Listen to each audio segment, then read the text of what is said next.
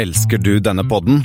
Gjennom Acasts nye supporterfunksjon kan du nå vise din støtte til podskaperne.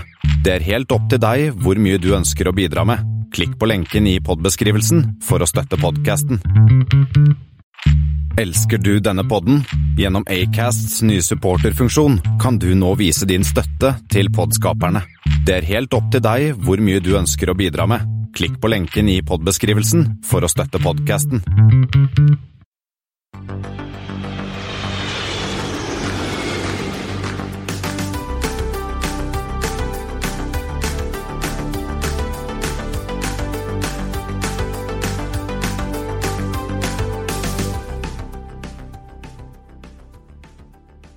Hei, og velkommen om bord på Flypoddens flight 114. Når vi spiller inn denne, så har det blitt 15. juni, solen skinner ute, og grensen er åpnet igjen. Sånn halvveis, i hvert fall. Du hører som alltid meg, Christian Kamhaug, og Espen Næss. ukens tittel, én stor eh, og en liten, eh, viser til ukens dobbelttema. Vi snakker om to firemotors passasjerfly som begge har typebetegnelse 114. I dagens sending har vi også tatt en prat med Ole Johan Berg, som er en av ildsjelene som fikk Bråten Safes gamle DC6B eller en sub tilbake til Norge. Men før det skal vi innom litt nye reiseråd, trafikktall for nordiske flyplasser, SAS trenger mer penger, og Air Leap tar en liten frekkis. Velkommen om bord. Og vi har et lite tilbud, Espen, fremdeles. Vi kjører fortsatt på et spesialtilbud til våre lyttere. En natt på Ertsergården på Røros. 750 kroner natten. Det er halv pris, enten det er singel eller dobbeltrom. Og da sender man en mail til Eivind.biung at roroshotell.no, og hils fra oss. Løpebukk. Jeg har funnet noen flight 114, Espen. Ja, da gleder jeg meg. Ja, Vi starter med NY 114. Den går REK AEY med en eh, DH8. Ja, Rek er jo innenriksflyplassen i Reykjavik. Rek, og den går da til Aukoreiri. Eller hvordan Det da? er riktig. Og selskapet der er da Da er selskapet ny Er det disse Iceland Connect? Nei. Ja, Air. Air Iceland Connect heter det vel nå, ja. Som vel er en del Icelander, er det ikke det? Jo, de skulle jo bli slått sammen nå. Ja, det stemmer det. Eh, og så har vi neste er W5 114. eh, IKA IST. Ja, eh, W5 sa meg egentlig ikke så mye, men IKA det er jo eh, i eh, Teheran, og IST er Istanbul. Og da så vet jeg at det ikke er Iran Air, og da går jeg for Mahan. Når jeg også ser flytypen. Ja, det, det er Mahan Air. De flyr da 340-300 og 340-600 på denne IKA. Jeg tenkte, Det er jo det som er hovedflyplassen til Iran nå, denne eh, Imam Khomeini International Airport. Ja, det er i hvert fall den internasjonale. Så har det vel en sånn ren innenriksflyplass òg, har det ikke det? Jo, den gamle, den som heter Maharaja et eller annet, den eh, som er THR, Ja. det er jo den som er da nummer to-flyplassen. De fleste flyinternasjonale eh, går jo fra IKA, da. Og så har vi en, eh, en eh, morsom fyr her på slutten, Espen. GL114, som går JAV eh, JQA. GL er jo Air Greenland. Det stemmer. Og så, ja Kan en av de være noe med Jakobshavn? Det- Så vi begynte på J, og så er det noe som heter Jakobhavn oppi der, er det ikke det?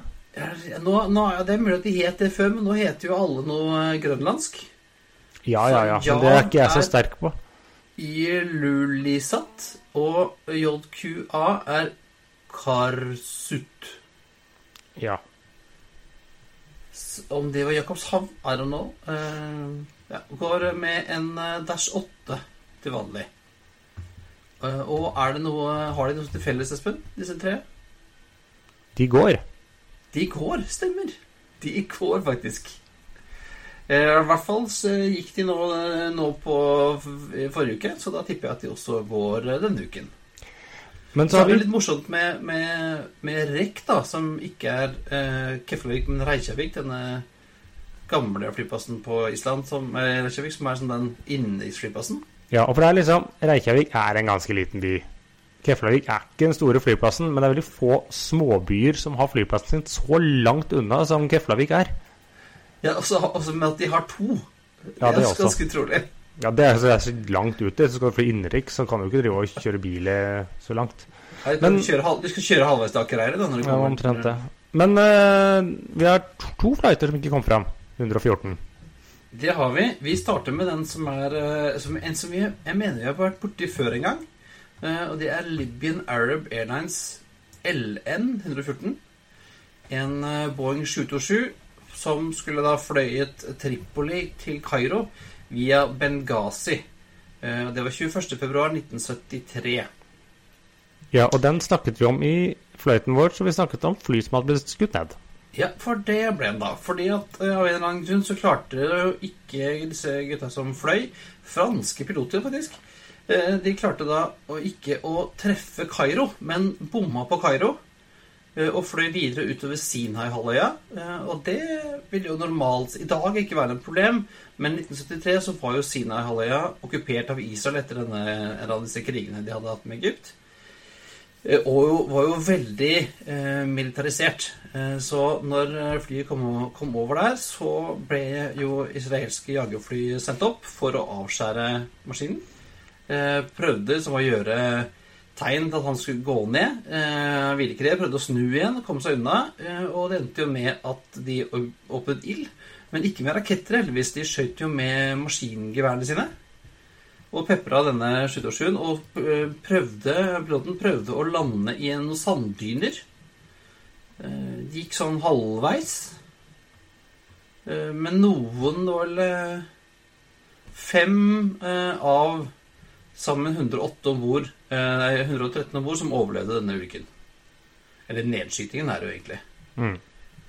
Uh, israelerne innrømmet jo at de hadde gjort dette, selvfølgelig hadde ikke noe annet å gjøre, og eh, betalte også kompensasjon eh, til de etterlattes familier. Og det var litt spesielt at Israel pleier å gjøre som de vil, more or less, men her fikk de også faktisk eh, Ble de jo Gikk litt over grensen. De gikk over grensen, og til og med amerikanerne eh, ga dem jo eh, rimelig eh, smekk på fingeren i FN. Men så har vi en til. Nå skal vi til USA. Ja, den er ikke fullt så dramatisk. Bonanza Airlines Flight 114 Bonanza, er ikke det en TV-serie? Det tror jeg er en sånn dårlig gammel western-TV-serie som går på TV2. Uh, for de som fortsatt ser lineær-TV, og de som ser på TV midt på dagen. Bonanza Airlines var et sånt regionalselskap, en sånn derre som fløy, som fløy småruter rundt omkring i, i USA. Eh, Dette var 15.11.1964. En Fairchild FUC, og det er så liste der som ble lisensprodusert i USA, var ikke det? Så folkene? Jo, det er jo en Fokker 27, men bygget av Fairchild. Ja. Ja. Eh, 29 passasjerer, eh, eller 26 passasjerer og 3 crew eh, var om bord i denne maskinen som skulle fra Phoenix til eh, Vegas. Eh, de skulle vel spille eller noe sånt, da. Vet ikke. Mhm. Og, um, men kom ikke så langt. De krasjet, kjørte altså inn i uh, traff toppen av en, uh, et fjell ca. 13 km sørvest for Vegas, og alle, alle omkom. Uh, den eneste ulykken i Bonanza Airlines sin eh, historie, faktisk.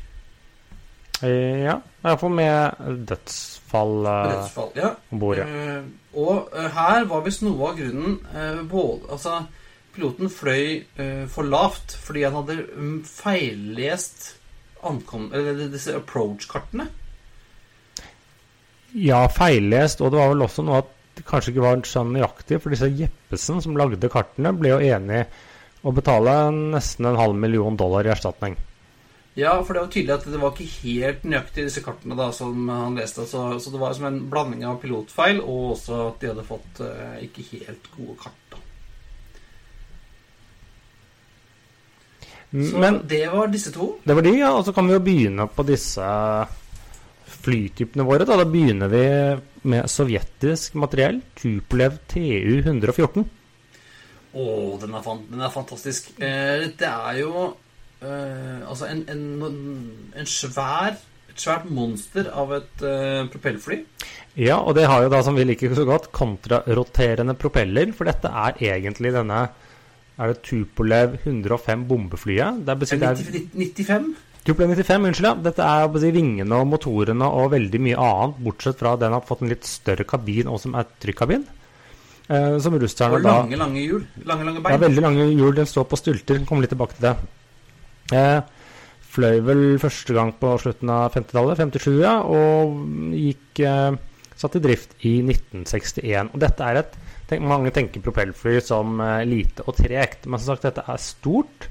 Du det kunne tatt 224 passasjerer sånn maks, men eh, Aeroflot hadde vel sin variant med eh, 170 eh, seter. Eh, men det er fordi de hadde jo selvsagt eh, enkelte var litt likere enn andre, så de kunne ha sånne faktisk suiter eller sovekupeer foran. Og så var det en restaurant, eh, det såkalte midtpartiet der.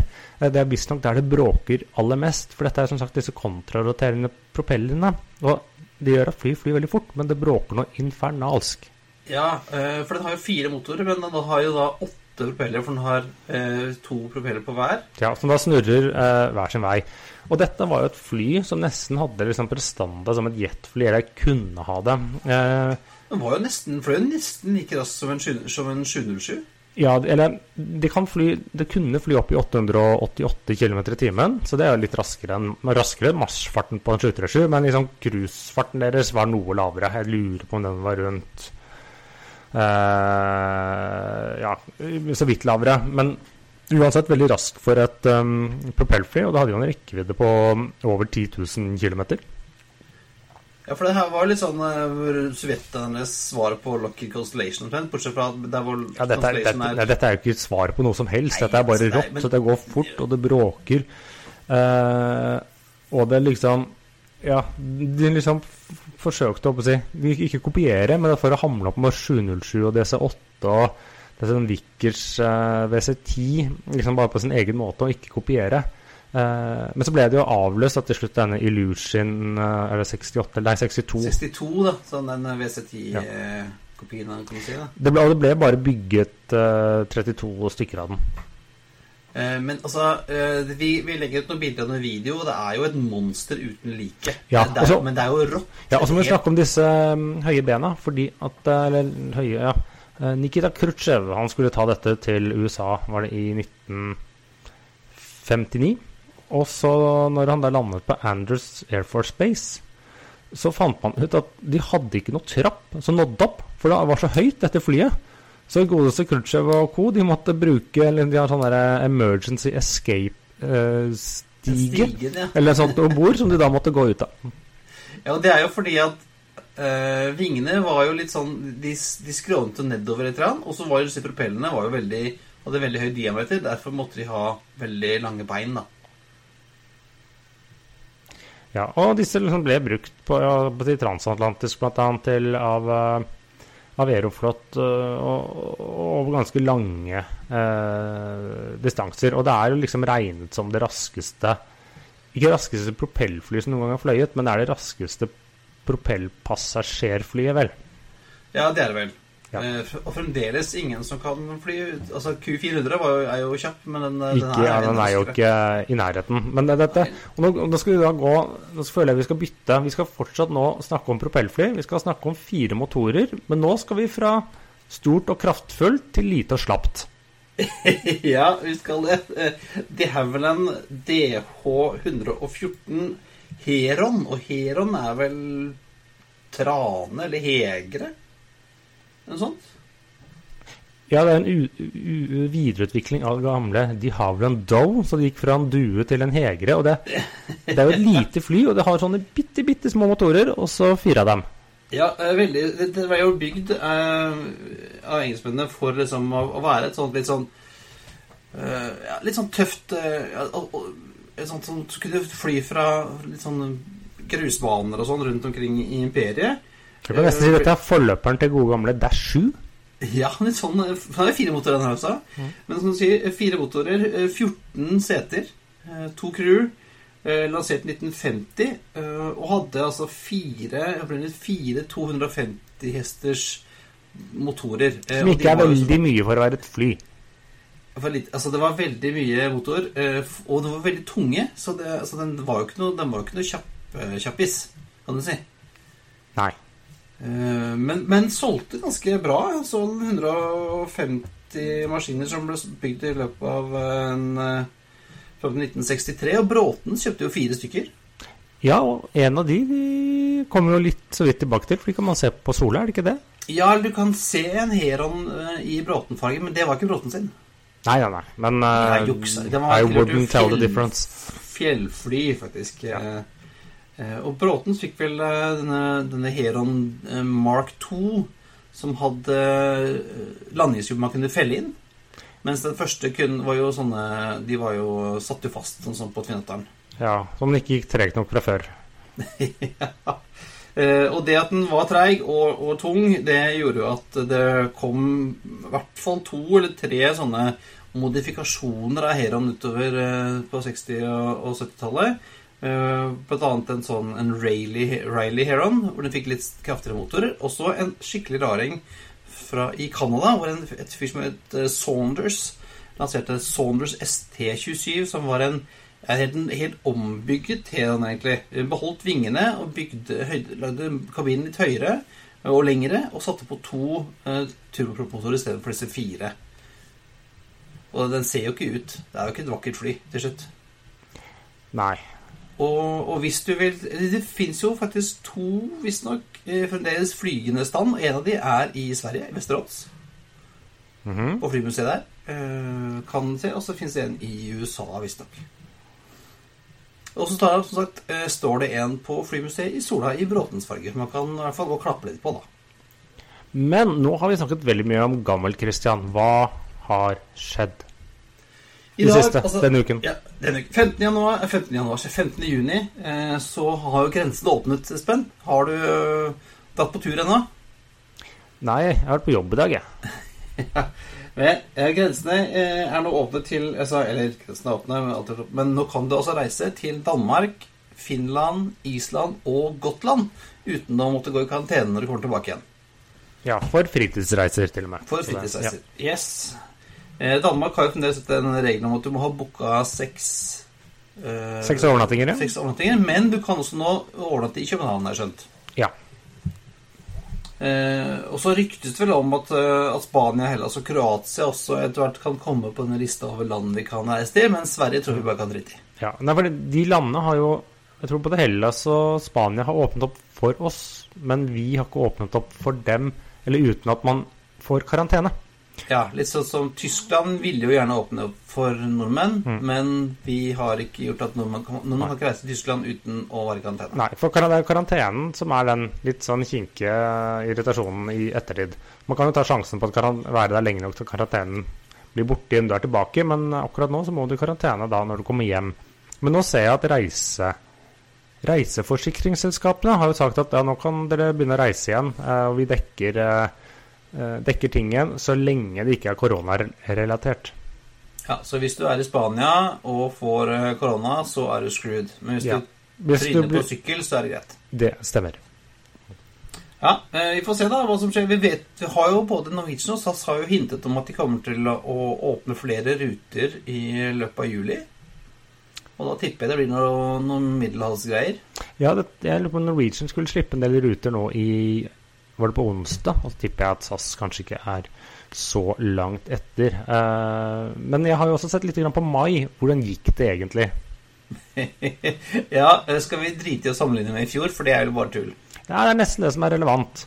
Eh, det gikk litt sånn Du hadde Hvis jeg begynner med liksom, da, de tre-fem store her i, i Norden, da, liksom Keflavik 4000 passasjerer, minus 99, 99 prosent, kom man over. Men det var litt sånn, og så hadde du liksom da København, som normalt er den største, de landa på rundt 40 000. Eh, Helsinki var sånn cirka i det samme området. Og så er det jo noen hopp opp til Arlanda, som hadde hele 60 000 passasjerer. Men da storebror i, eh, i Skandinavia, eller i Norden, det er da OSL, som hadde 214 000 passasjerer. Ja, for vi har jo faktisk et innenriksnett som fungerer. Det, det stemmer, fordi at det, vi har et innenriks- innenriksnett som ikke bare fungerer, men som er nødvendig. Og det ser du jo litt på eh, flyplassen. Når du sammenligner da med tilsvarende måned i fjor, så har jeg liksom gått inn på hvert flyplass, lagd en fingraf og sånne ting, og sett hva er liksom flytrafikken nå i mai kontra mai i fjor. Og fra Keflavik, som skiller seg veldig ut, det var liksom 0,7 Det var nesten ikke noe. Nei, som var ikke noe. Og så er det ganske likt Arlanda, Helsinki og København. De, de ligger på henholdsvis fra 2,6% i på Arlanda og så ned til 1,5 på København. Og her liksom hele forskjellen forklares at det er noe mer innenriks i Sverige enn de to andre. Ja, det er det noe fremdeles. Ja. Og det som er OSL, da, som er størst, de hadde da hele bam, bam, bam, bam, 8,8% av trafikken i fjor. Sånn måte. Som er jo ingenting, men det er jo uendelig mye mer enn de andre flyplassene. Men ser man på utenriks, så er de helt likt. Så det ene og alene skyldes deres, eh, at de er større enn de andre, er innenriks. Ja. Og så er det en liten eh, Alle har viser eh, fremgang fra april. Alle viser en fremgang. Dvs. Si, Keflavik omtrent jevnt, og så er det sånn rundt 0,5 prosentpoeng. Så det er jo ikke så mye eh, på de tre andre, eh, selv om de hadde en dobling av antall passasjerer, sånn eh, relativt sett for april. Mens da OSL de vokste med hele 3,3 prosentpoeng, fordi man var ca. på litt sånn 5,5 eh, i forrige måned. Men det, det er dritdårlig, men det går i hvert fall oppover. Ja, jeg så vel altså, Hva sa jeg da? Jeg så Islander på Oslo i dag. Ja, det er flere som har begynt å komme tilbake. Islandersk skal nå komme tilbake. Air France er tilbake. Eh, Sønner har nå startet Billund. SAS har doblet i København. Det er jevn liksom, vekst på innenriks. Så det, det, skjer ting. Det, kommer, det blir spennende å se hvordan mai blir, og, nei, unnskyld, hvordan juni blir, og hvor mye som liksom annonseres av uh, og kommer an si, gjeninnsatte flighter fremover. Ja, og den annen regelen er vel at vi disse, ble, man kan selge midtsetene igjen, men all, både på SAS og Norwegian nå så er det jo og videre, tror jeg også. Uh, Munnbindpåbud. Ja, det er vel lurer på om det stort sett er det på de alle flyselskapene nå. For det er IATA som har uh, anbefalt. Sikkert noen unntak, men uh, man er liksom Ja, så da kan de i hvert fall fylle flyene helt, og det vil jo hjelpe økonomien deres. Og det tar oss så rimelig elegant over til neste punkt, som apropos trenger å redde økonomien. For jeg har jo tidligere sagt at SAS trenger penger, jeg bare tok litt lite i. Ja, du sa 6 milliarder, eh, men nå er de ute og sier de skal ha 12,5. Mm, kanskje mer også, sier de. Eh, for det kom altså i dag. Det skal komme en jeg skal si mer detaljert plan, eller hva det nå det er, men det kom da en pressemelding fra SAS i dag. er at De sier seg selv at de trenger rundt 12,5 milliard svenske kroner, de er jo omtrent det samme som norske, uh, i da økt uh, egenkapital og kapital. Og jeg tror dette er stort sett cash det er snakk om. Kan være noe sånn omgjøring av gjeld, men det er veldig mye friske penger. fordi SAS jo, skylder jo mye mer de har i utstående billetter enn hva de har på konto i dag. Så det hjelper jo ikke å konvertere gjeld da. Da må du ha friske penger. Og svenske staten har sagt at ja, vi bidrar med inntil 5 milliarder. Og danske staten har vel signalisert noe av det samme. Eh, og det ble også sagt at her kommer det krav til disse pengene, bl.a. litt sånn miljøhensyn. Og det kommer krav til ytterligere effektiviseringer. Eh, så hvis, jeg tror kanskje hvis du syns du jobbet litt mye i SAS og tjente litt dårlig før, så er jeg ikke så sikker på om det blir så veldig mye bedre fremover.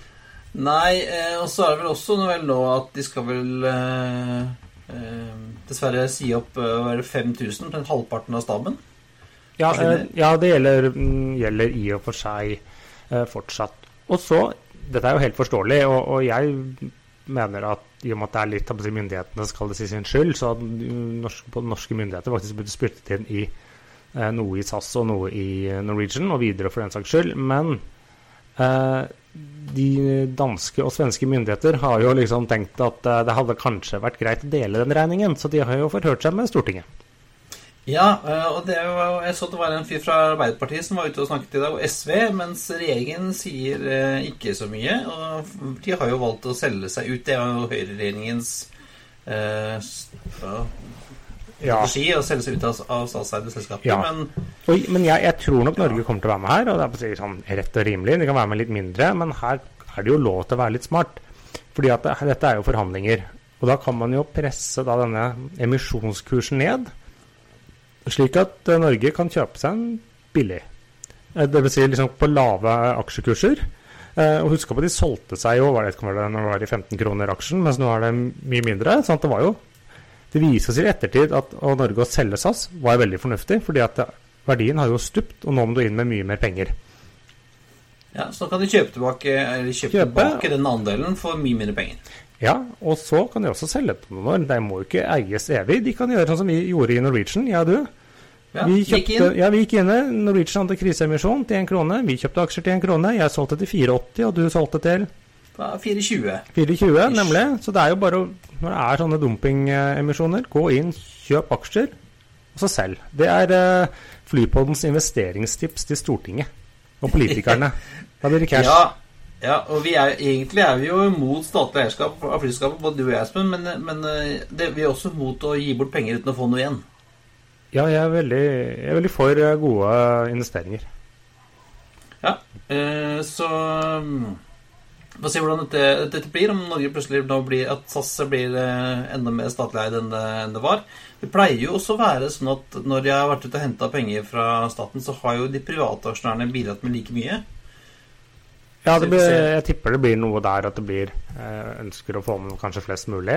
Eh, og så blir det også spennende liksom, å se hva med de gjeldsholderne. Blir det noe konvertering av gjeld, leasinggjeld? Eh, det blir også snakk om å skyve på flyleveranser og sånt. Så det, det får man eh, se på. Men eh, veldig mange selskaper er jo på defensiven.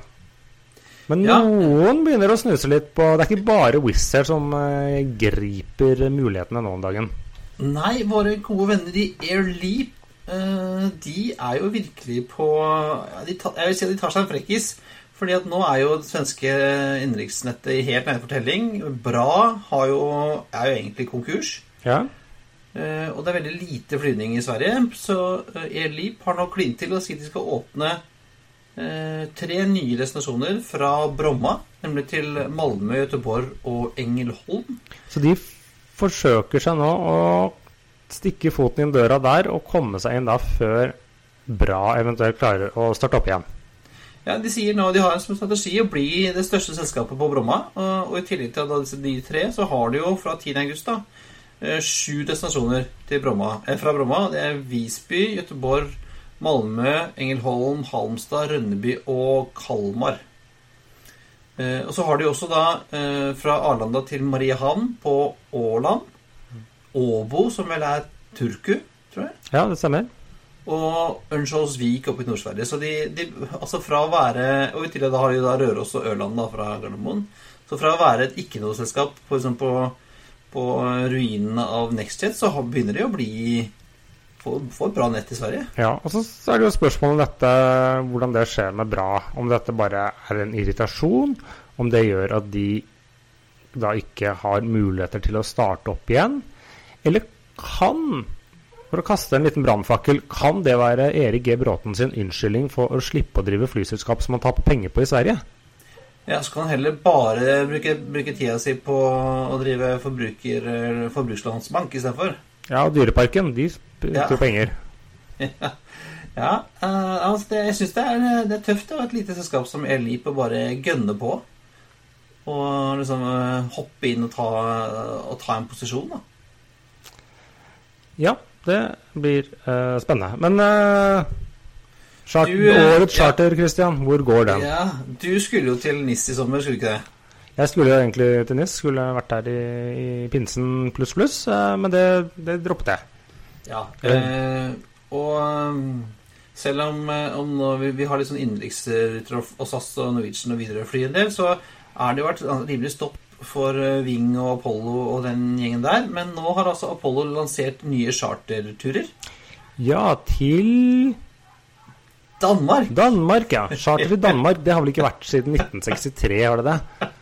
Nei, jeg vet ikke. Det, altså, nå skal altså da dere har sett Det i dag eh, charterturer. Altså, det er ordentlig Charter, Det er fly, hotell, pakkereiser. Ja, ukesopphold. Ja, for det, jo, det må du jo i Danmark. Du må ha ukesopphold. Ja. eh, og de skal da fly Er det Oslo-København, Oslo-Ålborg og Bergen-Ålborg. Og slik jeg forstår det, skal de bruke disse Nover, dere charterselskapet deres, med de hele to av 321 Neonene.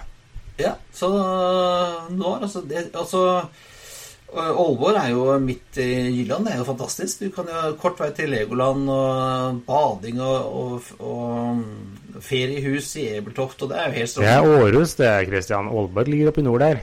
Ja, men altså, det Men det er, samme, men det er altså. kort vei til mye stranddestinasjoner, så det er jo, det er jo mye strand i Danmark. Det ja. kan blåse og bare være kaldt. Men bortsett fra det Skagen.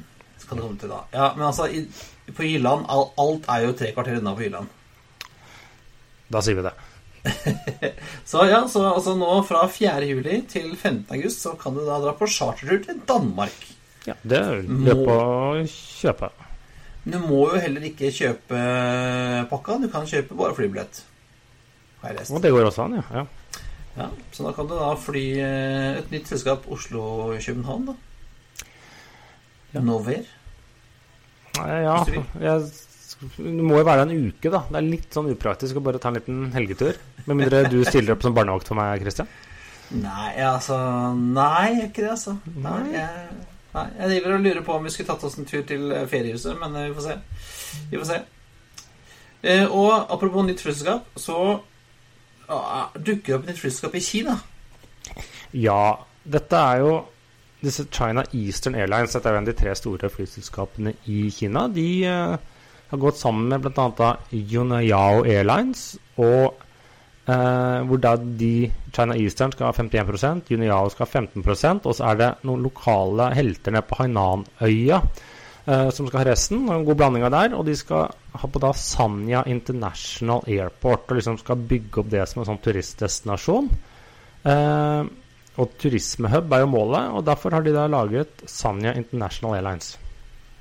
Ja, fordi at eh, kinesiske myndigheter skal jo i tillegg til at de har ønsket å satse på turister til, turisme til Hainan, skal de gjøre Hainan-øya til sånn international free, free trade zone. Litt sånn Dubai-aktig, da.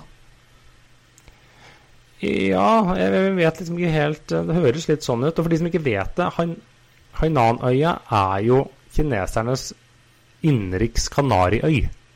Ja. Eh, og en del industri også. Og så er det jo ikke ja. lange veien ned der til Det er sånn nest, neste stopp er Hongkong, vel. Ja, um, Hongkong og heller ikke så veldig langt til Vietnam. Det ligger Nei. liksom nedi, nedi hjørnet der. Ja, eh, det tydeligvis at det skal, der skal det vokse. Så der skal vi Dette, dette selskapet med det klingende navnet Sanya International Airlines, de skal jo eh, fly der. Har ikke sett noen ting om hva slags eh, materiell de skal ha. Nei, det er heller eh, ikke klart så om de skal liksom ha noe eget kinesisk, om de skal gå nytt, eller om de skal rett og slett bare bruke noe sånn overskuddsmateriell de selv sitter på. eh, Det gjenstår å se. Har ikke China Eastern noen uh, A380 da, som de skal bli kvitt? Nei, det er South, Southern, det. det som har det. Ja. Ja, og så har jo China Eastern har stått opp det eget selskapet OTT, som skal fly de der kinesiske flyene. Ja, disse uh, kom med ARJ-maskinene, Ja.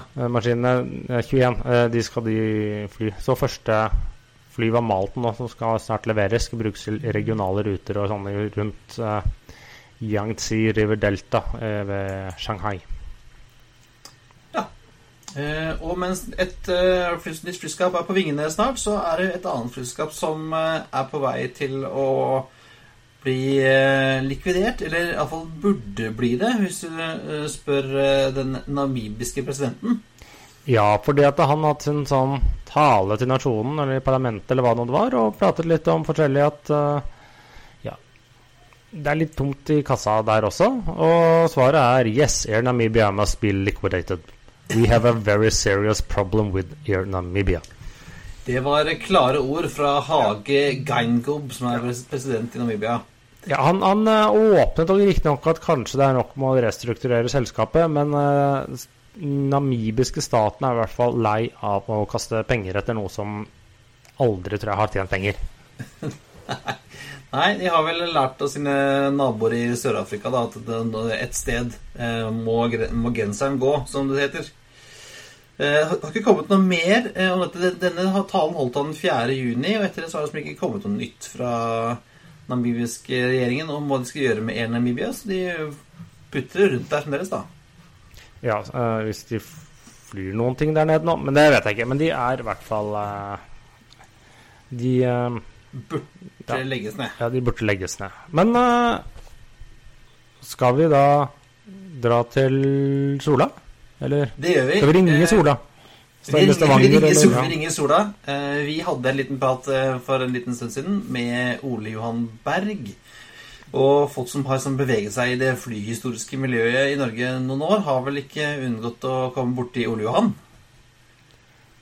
Nei, eh, og han er jo, eller, var, eller er, en av da drivkreftene bak den LN Sub, som nå befinner seg i Stavanger, og etter hvert skal på museet der, når de får, eh, som han sier, revet ned noen lyktestolper og kan taue den over veien. Så skal vi bare ta og høre på praten vi hadde med Ole Johan, da? eller? Snurr i vei, du.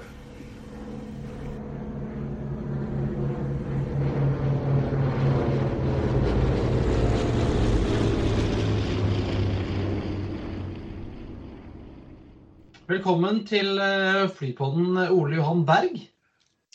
Jo, takk for det. Eh, Vi hadde lenge hatt lyst til å prate med deg av mange årsaker, men så eh, har vi jo en veldig sånn eh, aktuell sak nå med LN Sub. Som du Ja. har vært, med, vært en del av teamet rundt, har jeg skjønt. Ja, det er korrekt.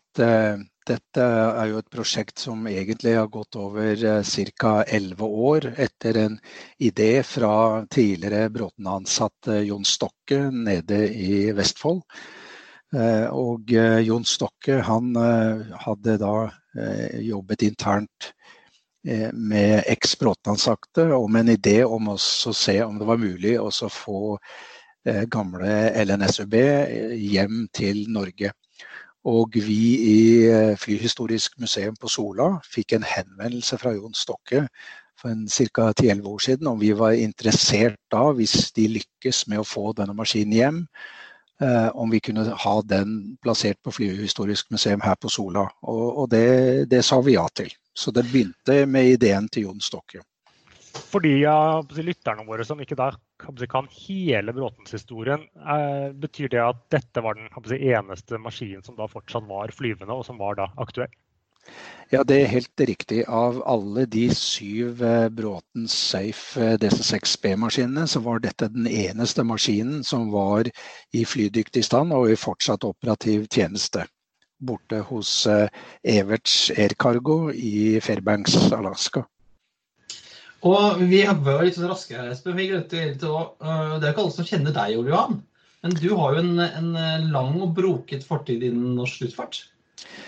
Ja, det jeg som mange andre vokste jo opp rett ved siden av Fornebu eh, og hadde mine eh, barne- og guttedager inn imellom eh, flyene på gamle Fornebu. Det var jo spesielt da de store passasjerflyene med stempelmotorer som fascinerte meg. Og etter at jeg flyttet til Sola rett utenfor Stavanger, så i min yrkestilværelse så ble det veldig mye reising med den gang gamle SAS-maskiner som Nordfly AS eh, opererte på charteroppdrag for oljeindustrien. Og ideen eh, til å ta vare på en av de eh, vokste fram på slutten av 70-tallet, og det resulterte da i at jeg tok et initiativ dannet eh, Norsk Metropolitan Club og hadde eh, forhandlinger og diskusjoner med Terje og Svein Klev i Nordfly, som resulterte at vi kjøpte en CV44 eller en KLK som står på museet her på Sola, som vi da opererte på 80-tallet. Ja, det, det husker ikke du, Espen, men jeg har jo sett den der live eh, i Stavanger. eh, Og den fløy rundt på sånn turer, litt sånn som Dakota Norway gjør med Dakotaen sin nå. Så var det sånn dere dro på turer rundt og, og deltok på flyshow og sånn, var det ikke sånn? Ja, det er helt riktig. Vi hadde Vi fløy eh, med medlemmer rundt omkring til eh, flystevner i eh, Skandinavia og Nord-Europa. Var veldig mye i England, eh, og der vi da fløy rundturer med publikum.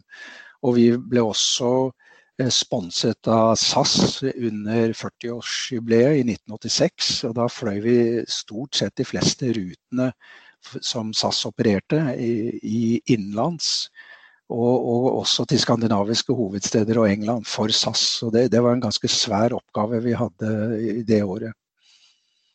Og så har du også vært involvert i, norsk, i moderne norsk luftfart og med jetmaskiner. Ja, det er jo riktig. Eh, Når vi startet Norsk Metropolitan Club, så var det såpass nytt i skandinavisk og europeisk sammenheng. Slik at eh, når vi hadde kjøpt det flyet, så fikk jeg en telefon fra leder av eh, juridisk seksjon og luftfartøyregisteret, Ole Rambekk. Og han eh, lurte på hva vi skulle med denne maskinen, og eh, jeg forklarte at vi skulle ha det som et klubbfly. Noe som de aldri hadde hørt om før, men han sa han måtte konferere med kolleger i Eh, Danmark og Sverige hvordan de skulle håndtere dette. og Resultatet ble at eh, vi måtte søke om driftstillatelse fordi dette var et svært fly. 56 seter og mannskap på fire. 22 tonn eh, maks takeoff-vekt. Så, så, de følte at eh, vi ikke direkte falt i kategorien småflyklubb.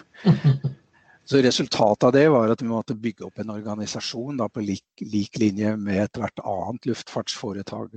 Og når vi hadde gjort det og fått driftstillatelse fra Samferdselsdepartementet, så var det meg og et par andre i klubben som sa nå vet vi hvordan vi starter flyselskap. Så nå starter vi flyselskap. Og det ble faktisk fødselen på Norway Airlines i april 1987. Det er jo en annen uh, historie som vi kanskje kommer tilbake til seinere, Ole Johan. Men la oss gå tilbake til LN Sub.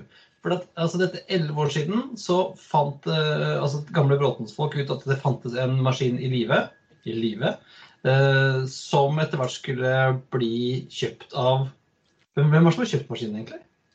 Ja, De som har kjøpt maskinen, det er Jærmuseet. Jærmuseet er en overbygning for en rekke av museene her i Rogaland, deriblant Flyhistorisk museum på Sola. Så Jærmuseet er vår eh, driftsansvarlige og forvalter av eh, museet. Dette var noe som kom i gang i forbindelse med den kulturreformen for en ti års tid siden, hvor at alle museer Eh, ble anmodet om å søke tilknytning til større museumsenheter. Så, og det gjorde vi da i, i Flyhistorisk museum på Sola. Men Jærmuseet eh, ble bedt da av denne denne Bråtensgruppen om vi kunne forestå prosessen med å anskaffe flyet og alle formaliteter rundt planleggingen av transaksjoner og hjemflygingen. Så det har ene og alene vært et Eh, ansvar for, eh, for Jærmuseet. Og der ble jeg på bakgrunn av min tidligere erfaring med denne type transaksjoner bedt av Jærmuseet om jeg kunne ta prosjektansvaret for å få det til. Så det var i grunnen der dette her begynte. Men vi har jo gjort dette også eh, i nært samarbeid med, med tidligere Bråtens ansatte. sånn at vi har, vi har naturligvis konferert og holdt de opp, oppdatert hele veien. For det, dette flyet var jo i drift helt fram til for nylig eh, siden? Ja, det er helt korrekt. Det var i, i drift eh, tett oppunder eh, overtakelsestidspunktet. Så eh, Everts eh, de holdt dette flyet i drift i fraktoperasjoner ut fra Fairbanks og Anchorage til eh, remote opp steder rundt omkring der de fløy med denne maskinen, og sammen med øvrige seksere som de har der borte. Eh, så, ringer man bare til opp, ringer man dem bare opp og sier hei, jeg har lyst til å kjøpe flyet ditt? Eller hvordan, hvordan gjør man sånn prosess? Nei, altså Kontakten med Everts ble knyttet uh, av denne Bråten interessegruppen for en del år siden. Så det ble vel signert en, det ble signert en intensjonsavtale for en fem års tid siden. Eh, men Everts eh, ønsket også fly, flyet ut på tid, ut på gangtid, for han hadde behov for flyet. Så han kjøpet det reflekterer et fly som, som er nært utgått på gangtid når det gjelder skrog og til dels motorer og propellere. Så fordi For han så er dette her eh, et, en, et solid fly å bruke for denne du kan gjerne kalle det for Bush-operasjoner. Det ligner litt på det, selv om det er et stort fly. Eh, så han flyr tiende ut på gangtid, og så tar han eh, nye skrog som han har lagret, og så nullstiller han det, og så, så flyr han de også ut på gangtid. Ja, litt sånn som meg og elbilen min. Jeg bruker den til den er brukt opp. Ja, det, det, er i grunnen det han gjør, han også. Så det, det er eh, gått ca. 55 000 timer. Og så har det et ganske høyt antall cycler pga. de eh, landingene som de, bruker flyet på på disse grusbanene oppe i Alaska. Det er veldig mye grusbaner de flyr på. Eh, mange har sett disse gullgraverprogrammene på TV fra Alaska, og han flyr folk og utstyr ut til disse gruveområdene. Og I tillegg til det så har han også kontrakter med US Air Force og en del andre eh, lokale bosetninger som eh, får subsidierte flighter fra staten Alaska. Ja, for det var slik å forstå at når det flyet nå landet på Sola, så var det rett og slett i praksis oppbrukt, slik at det aldri kan fly igjen? Sånn, ja, ja, det er, helt, ja det, det, er bare et fåtall timer igjen på flyet. Det, det er et eh, tosifra eh, Jeg tror det er ca. 22 timer igjen, hvis ikke jeg tar helt feil. igjen. Så, så det, det, er så, i så måte helt utflydd på gangtid på skroget. Og hvis dette skulle flydd noe videre, så ville det bli veldig kostbart å eh, nullstille det via en D-sjekk. Eh, og det er ikke økonomisk regningssvarende hensyntatt alderen på flyet. Ja, for én ting nå var jo kjøpeflyet. Og så er det jo, som kanskje mange har fulgt med, den ble jo ikke levert i en pakke på døra. Det stemmer. Du kunne ikke FedEx den her? Nei, det, det, er korrekt. Altså, eh, i, etter at Jærmuseet eh, tok over prosessen i fjor våres, med å anskaffe flyet, så eh, laget vi en eh, kontrakt der vi eh, skisserte hvordan vi ønsket flyet til Sola. Og i den kontrakten da, så inngikk det bl.a.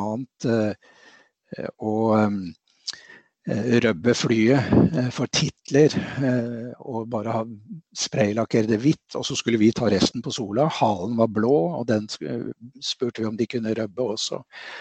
Eh, men etter hvert som prosjektet modnet, og jeg var borte og besøkte Everts i august i fjor, og gikk igjennom eh, flyet og hva som kunne og ikke kunne gjøres, så tente Robert Everts som eh, Chief Executive Officer og eier av selskapet at han syntes dette her var en fantastisk idé og arv å bringe dette tilbake til, til Norge. Så etter hvert så fikk vi han med på å, gjøre litt mer enn det som vi opprinnelig hadde tiltenkt. Så hele flyet er nå røbbet ned og spraylakkert, så vi har fått det hvitt og helt tilbake til de opprinnelige Bråten-fargene med titler og logoer. Eh, både på halen og på kroppen. Eh, og i tillegg så har vi fått eh, spraylakkerte sølv under, så nært opptil den metal finish som det originale versjonen hadde i sin tid av Bråten. Men vi kunne ikke røbbe det ned og få metal finish på selve skroget på den nedre delen. Fordi eh, i operasjoner i Alaska hvor de flyr på grusbane, så blir det sprut på, på, på flykroppen og på vinger under. Og der hadde de eh, spraylakkert et spesielt eh, eh anti korrosjonslag som vi ønsket å beholde av hensyn til eh, langtidslagringen utendørs her i Sola sjø. Så vi bare spraylakkerte det sølv under, egentlig. Du skal være ganske nerd for å legge merke til at det ikke er helt som opprinnelig? Ja, jeg tror det. Altså det, det. Slik flyet fremstår i dag, så er det Altså du må være feinschmecker hvis du skal greie å se noen, noen, små avvik fra det originalen. Så vi er veldig godt fornøyd med den jobben som Everts uh, har gjort for oss. Uh, det, det, er Han har vært uh, veldig entusiastisk, og han er en veldig spesiell og jordnær kar. han er en eh, leder av dette eh, konsernet sitt, eh, som går på jobb i dongeribukse og flanellskjorte hver dag. Og han er en sånn hands on mann både i ledelsen av selskapet, og han flyr jo også disse flyene flere ganger i uka sjøl også, for å også dyrke sin interesse for fly og flyging, som er også hans lidenskap. Det må nesten være det for å kunne Når du flyr den type fly, da, ja, eh, han, eh, jeg kjenner jo Robert eh, Everts veldig godt etter hvert nå etter kontakt med han i noen år. Og han, han, sier jo det at han kan ikke tenke seg livet som en ordinær airline pilot. Han må være den som, som flyr, og de håndflyr jo disse flyene sine på alle DC6-erne de har og C46 Kommando. Det er ikke autopilot i de, de håndflyr de hele veien.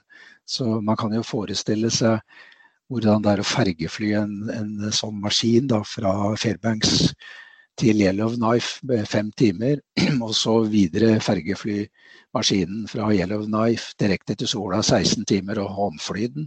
Det, det er eh, det vi kaller for the aviators. Ja, Hvis vi går tilbake til nå, si, transporten av flyet til Norge, så det gikk jo bra, men det var jo en eh, litt kanskje uvanlig flyvning. Og så kunne man jo, er det en måned eller to siden, så kunne man jo lese i pressen at flyet kommer ikke. Dette blir ikke noe av. Ja, det, det, er korrekt. Det siste, det første, det var jo at eh, vi hadde jo alt eh, klappert og klart for fergeflyging til Sola eh, ut fra Fairbanks 26.3 med ankomst 28. Men så eh, kom jo da denne her koronaen, og den slo jo til slik at den kronekursen i forhold til dollar, den gikk jo sky high. Og det, det tok oss utenfor det, det, planlagte beløpet som vi skulle betale for flyet i, i kroner. Slik at vi så det an slik at med den økte kostnaden, så umiddelbart så hadde ikke vi finansiering på den. Vi manglet et par hundre tusen akkurat der og da det rådet som vi fikk da fra finanshold, det var jo også bare sitte rolig og vente på at kursen falt igjen. Men Jærmuseet de hadde ingen erfaring med flyttransaksjoner. Så på tross av at ja, så de ble jo litt nervøse for dette her. Og på tross av anbefalinger fra oss i Flyhistorisk museum da, og undertegnede spesielt, der vi anmodet bare at vi sitter rolig og så venter, eh, så var de litt nervøse for at eh, det ansvaret de kunne påløpe hvis eh, ikke kronekursen kom ned. Som resulterte i at de ønsket da også bare kansellere den. Men vi hadde en avtale med Robert Everts at vi skulle gjeninnsette avtalen i det øyeblikket finansene stabiliserte seg, og at vi var innenfor den rammen som, som vi hadde fastsatt. Eh, og eh, det, det, skjedde litt hurtigere enn vi hadde regna med, fordi eh, mens vi ventet på at kursen da gradvis kom ned igjen, noe den gjorde, så tilfeldigvis så hadde Robert Everts i Fairbanks en bekjent der Thomas Werner, som vant i Dittaråd i år, var midlertidig huset. Og, det som skjedde da, det var at han, han, var fast, et, han var fast der oppe, satt fast der oppe pga. Ja, han greier? Ja, han, uh, Thomas Werner han satt fast i, uh, i Fairbanks med hundene sine, og han ønsket ikke å reise fra de. Han kunne ha kommet seg hjem, bare han. Men han ønsket ikke å reise fra hundene. Så han ble igjen der og fikk eh, midlertidig opphold for alle hundene sine hos en eh, bekjent der borte. Men så eh, kom Thomas i kontakt da, via der han bodde med Rob Everts. Så tok Rob kontakt med meg og så sa han at jeg tror kanskje dere to har noe felles å snakke om, sa han. Hvilket jeg heiv meg på telefonen med Thomas. Eh, og han eh, gjorde det klart at eh, via sine sponsorer så, så hadde han muligheter til å bidra eh, nokså umiddelbart med det som var shortfall for oss på, på, i forhold til dollarbeløpet. Og det, og det, gikk rimelig kjapt. Jeg tok kontakt med hans sponsorer, Aker Biomarine, som er en del av det samme konsernet jeg sjøl jobber i. Og eh, det gikk bare to døgn, så hadde vi da klappet og klart eh, det bidraget som dekket opp for det vi mangla i forhold til den opprinnelige eh, summen som vi skulle betale. Så da var det bare å begynne i full fart å gjeninnsette avtaleverket og planlegging av fergeflygingen. Så det gikk veldig fort. Vi hadde ganske sikkert kommet i mål om vi bare hadde satt og ventet, fordi kursen er jo nå nede under det opprinnelige vi hadde forutsett. Så vi hadde nok ganske sikkert fått maskinen hjem med noen ukers forsinkelse likevel. Men eh, det som var colombi her, da, det var jo det at vi fikk eh, maskinen hjem litt tidligere. Og så fikk vi jo frakta Thomas med alle sine hunder, så det var jo egentlig en colombi-egg at vi fikk dette til å klaffe på den måten det gjorde. Ja, og, bra, og, bra, PR, da? Ja, veldig, egentlig. Dette her har jo skapt veldig interesse, ikke bare her til lands, men utenlands òg. Og eh, det har vært interesse fra både eh, CNN og Fox News, ABC News og New York Times, eh, som Thomas har vært i kontakt med. Og de samme har jo også vært i kontakt med med undertegnede. Så, så, det har vært en overraskende stor eh, interesse fra, fra utlandet på dette her. Så, så det, det, det, var en god historie, og det var mange fremmøter på Sola når flyet kom den 2. juni. Så det må Jeg tror vi trygt kan si at det er et lite stykke norsk luftfartshistorie som skjedde egentlig den, den dagen der. Men hva er nå planen med flyet, eller hvordan og når kan våre lyttere få sett det?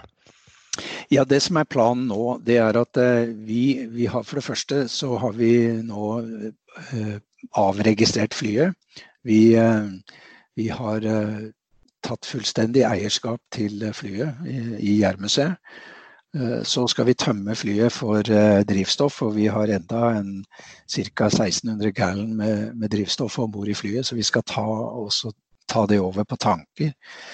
Eh, og deretter så har vi et prosjekt pågående der vi skal frakte flyet ned til Sola sjø. Og for å gjøre det så må vi ta ned et gjerde i nordre enden av Sola. Der er en eh, utrykningsport, men flyet er så stort og bredt at vi må ta ned gjerdet. Og så må vi også fjerne eh, fem lysmaster som står ved riksveien, før vi da kan taue det over og så eh, plassere det på nordøstsiden av flymuseet.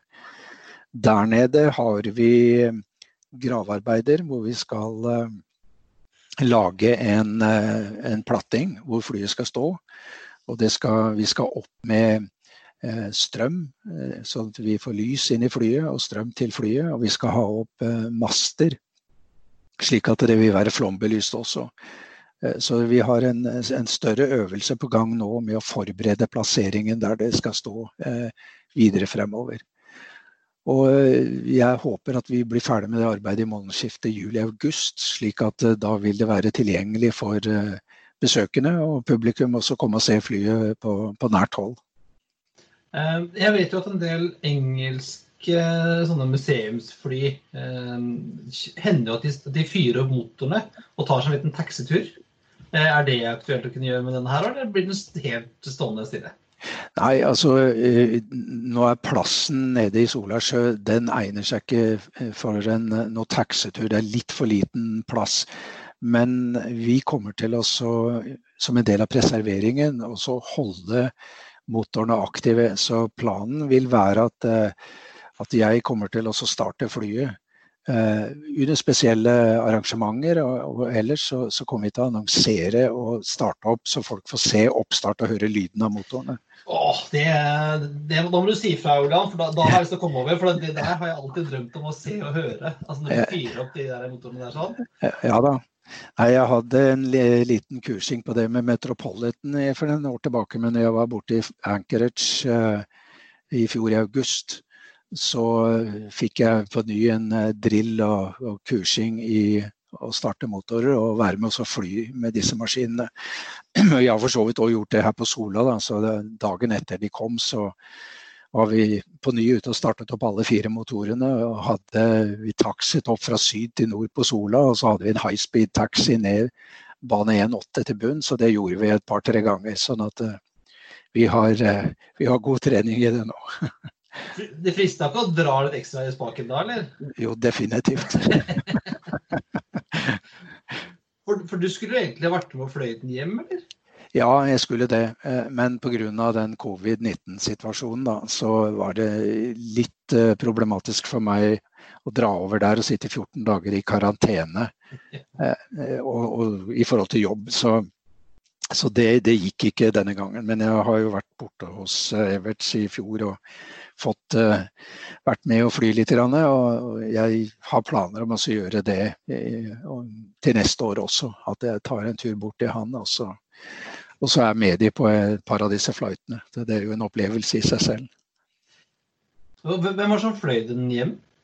Ja, De som fløy den hjem, det var uh, sjefen selv, Robert Everts, uh, som driver selskapet, eller hele Everts-konsernet. Det består jo av Everts Air Cargo og Everts Air Fuel.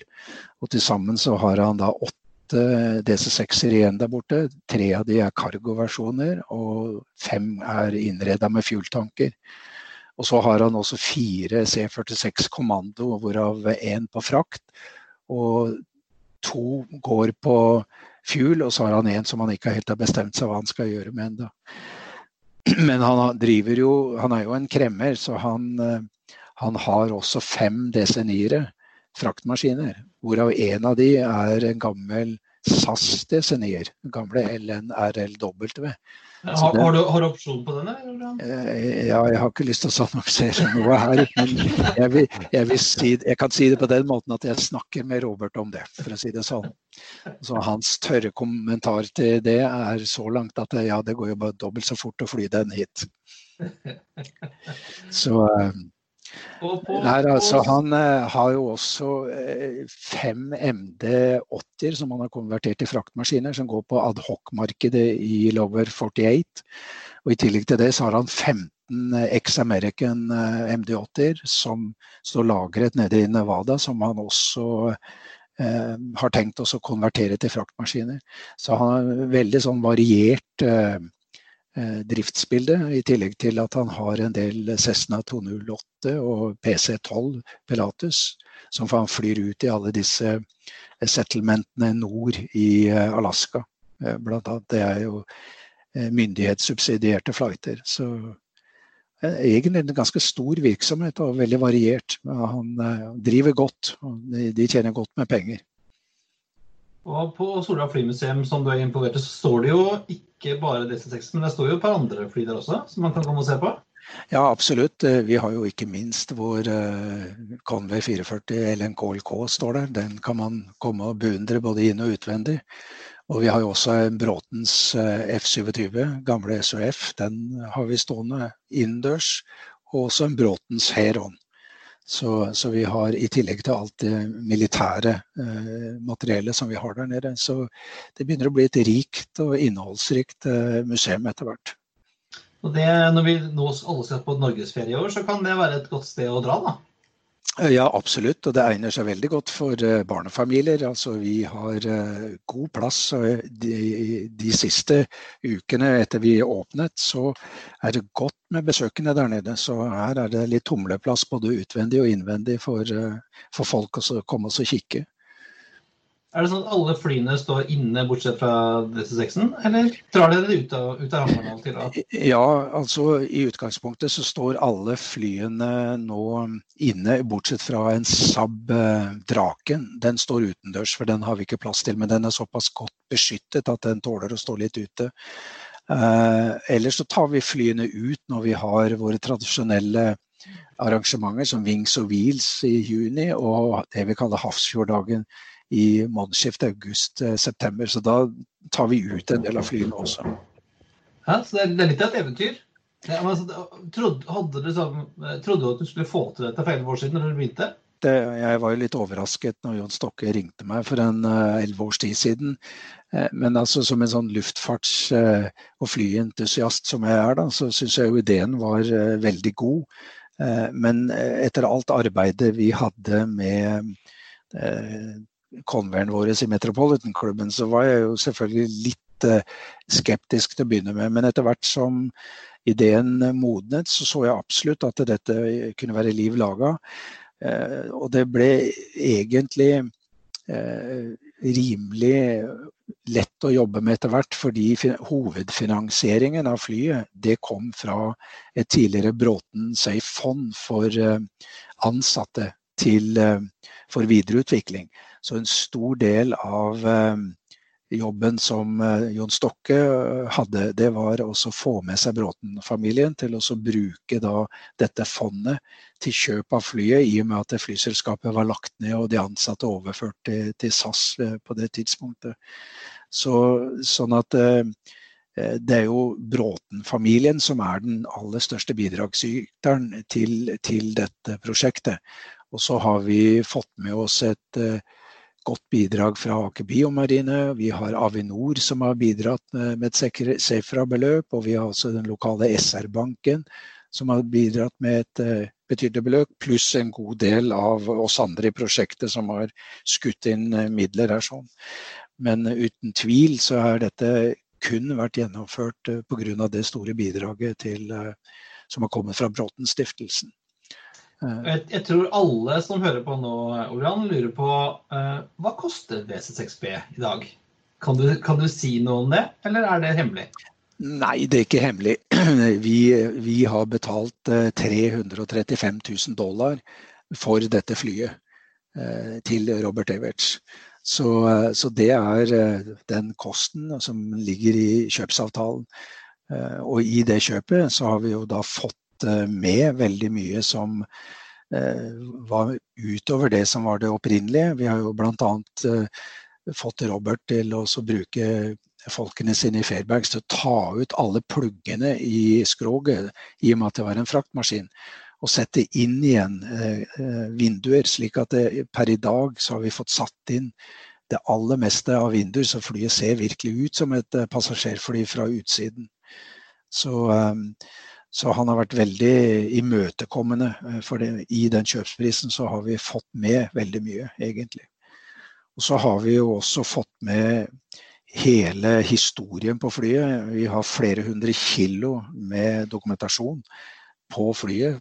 Fra, fra flyets operasjon med andre operatører. Eh, så, så, det er jo et eh, arbeid som vi skal sette i gang i, i regi av Jærmuseet, hvor at vi skal på en måte arkivere og rekonstruere flyets historie fra det var nytt i 1958. Så det, det begynte hos Cathay Pacific, var det ikke det? Det stemmer det. Det begynte hos uh, Cathay Pacific uh, og uh, gikk der i, i, mange år, før at det, det da gikk videre til, til både Bråten Safe og videre til Delta e-transport i Belgia. Og så gikk det videre til Koner i Canada som et Eh, hvor det ble konvertert til en vannbomber. og Robert Everts kjøpte dette flyet fra eh, Koner, og så eh, tok han av denne underbelly vanntanken som da det hadde, og så laget fraktmaskin ut av det. Det var vel rundt 97. det har, har, gjort jobben sin, kan man si? Ja, det, det har definitivt vært en solid maskin. Og nå er jo DC6B en veldig vellykka flykonstruksjon, og ikke minst takket være de pålitelige motorene. Så er det samme type motorer som sitter på Metropolitan, den pratt Pratt Whitney R2800-motoren. Eh, og det er som Robert Evert sier, at eh, han kunne ha flydd jorda rundt han på, med non-stop med et sånt fly uten å være bekymra for motorene. Og det sier jo litt at vi fløy altså fra Yellowknife 16 timer nonstop til, eh, til Sola. Riktignok hadde vi eh, drivstofftanker inne i kabinen eh, som vi eh, ut i vingetankene underveis. Men motorene gikk som en klokke hele veien. altså. Så Han sa jo selv her når han kom på Sola at han kunne godt ha fortsatt i Honolulu han, uten å blunke. Ja, ja men en veldig, en veldig, spennende historie, og utrolig at det, fikk det til, eh, Johan. Altså, fantastisk eh, arbeid. Altså, Elleve år, det er eh, mye tålmodig, tålmodighet. Ja, det er jo det. Det er klart at det har vært tålmodighet. Og så er det, ikke så rent lite arbeid som, som, ligger i, bak og i kulissene for, av stort og smått også. Så det er liksom Det er med dette som alt annet at det, det er ingenting som gjør seg selv. Men det har vært veldig OK å samarbeide med Robert Everts og hans eh, folk nå det siste året da, under eh, ferdigstillingen av eh, flyet og, og planleggingen av hjemflygingen. For opprinnelig så skulle vi bare fly maskinen direkte fra Fairbanks over Nordpolen og ned til Sola. Eh, da hadde vi jo bare eh, hatt fergetanker. Og så hadde han flydd opp i 22 000 fot og så hatt med seg oksygen. Det hadde gjort turen noe kortere og litt kjappere. Men pga. at Thomas og hans hunder kom inn i bildet, så ble vi jo begrensa med fergeflygingen til 10 000 fot. Ja, for det ikke, har den ikke trykkabin?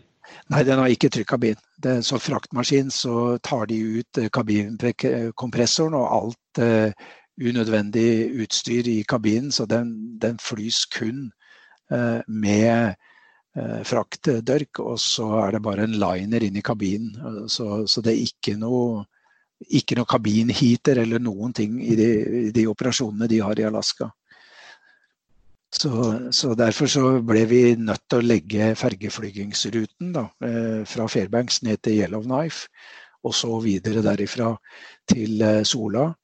Eh, slik at vi også hadde en del flyplasser innenfor range, i og med at vi hadde mer folk med enn det som det var opprinnelig planlagt med tre crew. Mm. Ja, men, eh, og Vi pleier alltid å spørre om noen har en anbefaling. Eh, Olian, hva er anbefalingen din? Vi har vært innom det før, før tror jeg, men eh, ja, altså, er, det, er, det er det Flymuseet på Sola? Det er Flymuseet på Sola, og det blir stadig mer innholdsrikt. Så jeg vil, hvis noen er i området her i Rogaland, så må de gjerne ta turen innom et av de flotteste flymuseene som vi har i Skandinavia. Og, og vi skal også ha avduking nå den 17.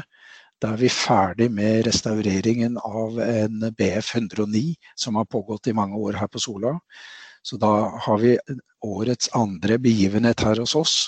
Og det er ikke mange av eh, BF 109-er rundt på museet. Så det, det, er mye å se og mye å oppleve her. Så her må man bare ta turen innom. Og når er det åpent? Det er åpent eh, hver søndag eh, fra tolv til fire. I sommermånedene, når vi passerer sankthans, så er det oppe hver dag, unntatt mandag, fram til midt i august. Så da har vi daglig åpent. Og så er det vel også på utkikk etter eh, frivillige, tenker jeg, også, som holder til i regionen? Ja, absolutt. Eh, det, vi er veldig takknemlige for eh, de som er interessert i å være med og drifte venneforeningen på ulike områder. Og det er en veldig fin gjeng her borte. Vi har sosiale sammenkomster og treff ukentlig.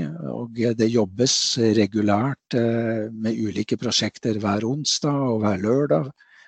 Så miljøet her er eh, veldig rikt, og det er veldig kjekt. Så de som har lyst til å være med i gjengen, de må bare komme ned til museet og, og melde seg. Med, stilles ikke noe krav til eh, at man må ha noe faglig kompetanse eh, på forhånd. Da legger vi en link til det, Espen, i notatene. Og så håper vi at Flymuseet på Sola får masse besøk i sommer. Jeg skulle gjerne tatt meg en tur snart, Espen. Nå kan vi til og med sitte på midtsetet, det har vi drømt om lenge. Ja. Lenge, så da, vi får ta oss en tur. Ja, Dere må bare gi beskjed, så skal vi se om ikke vi kan få kanalisert det på et tidspunkt hvor vi kan starte opp eh, sekseren også. Ja, Det er nydelig. Eh, da sier vi tusen takk for eh, at du ble med, Ole Johan. Og så håper jeg at vi kan ringe deg en annen gang når vi vil snakke om Norway Airlines. Det må dere gjerne gjøre. Det er òg en spesiell historie. Ja.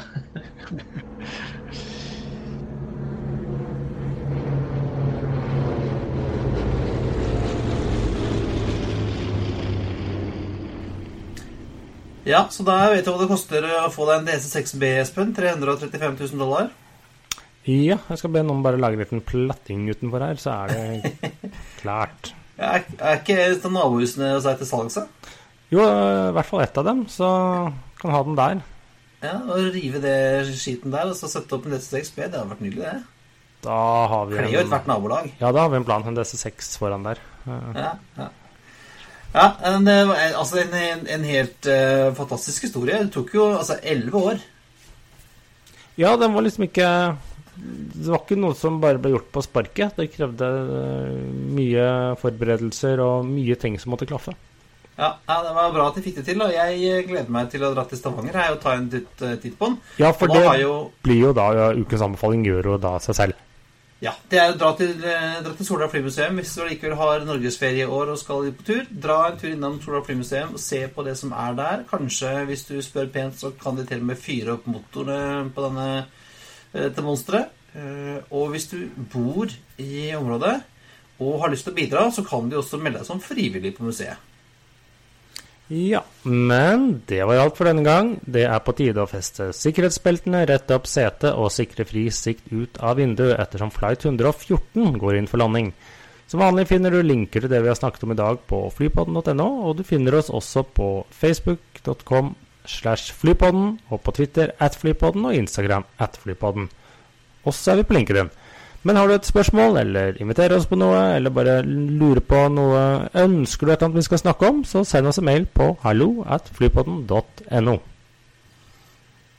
Ha det bra. We thank you for flying with us today. We truly appreciate your business and look forward to serving you on a future flight.